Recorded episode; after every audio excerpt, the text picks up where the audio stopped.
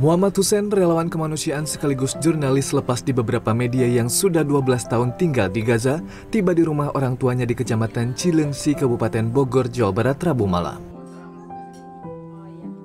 Ia pun langsung menyantap makanan khas Sunda yang ia rindukan selama di perantauan. Bersama dua anak dan istrinya yang merupakan warga Palestina, ia mengaku lega berhasil keluar dari Gaza. Namun, ia mengaku akan tetap kembali ke Palestina saat situasi sudah lebih kondusif. Itu saya menyambut ratusan jenazah setiap harinya itu anak-anak. Ya dan saya selalu mem mem membayangkan kalau itu terjadi pada anak saya itu saya mungkin nggak akan sanggup.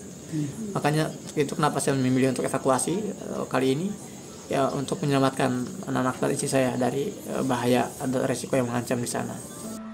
Sebelumnya Muhammad Hussein berhasil keluar melalui pintu gerbang Rafah setelah sempat tiga kali gagal keluar lantaran namanya tidak masuk ke dalam daftar WNI yang akan dievakuasi.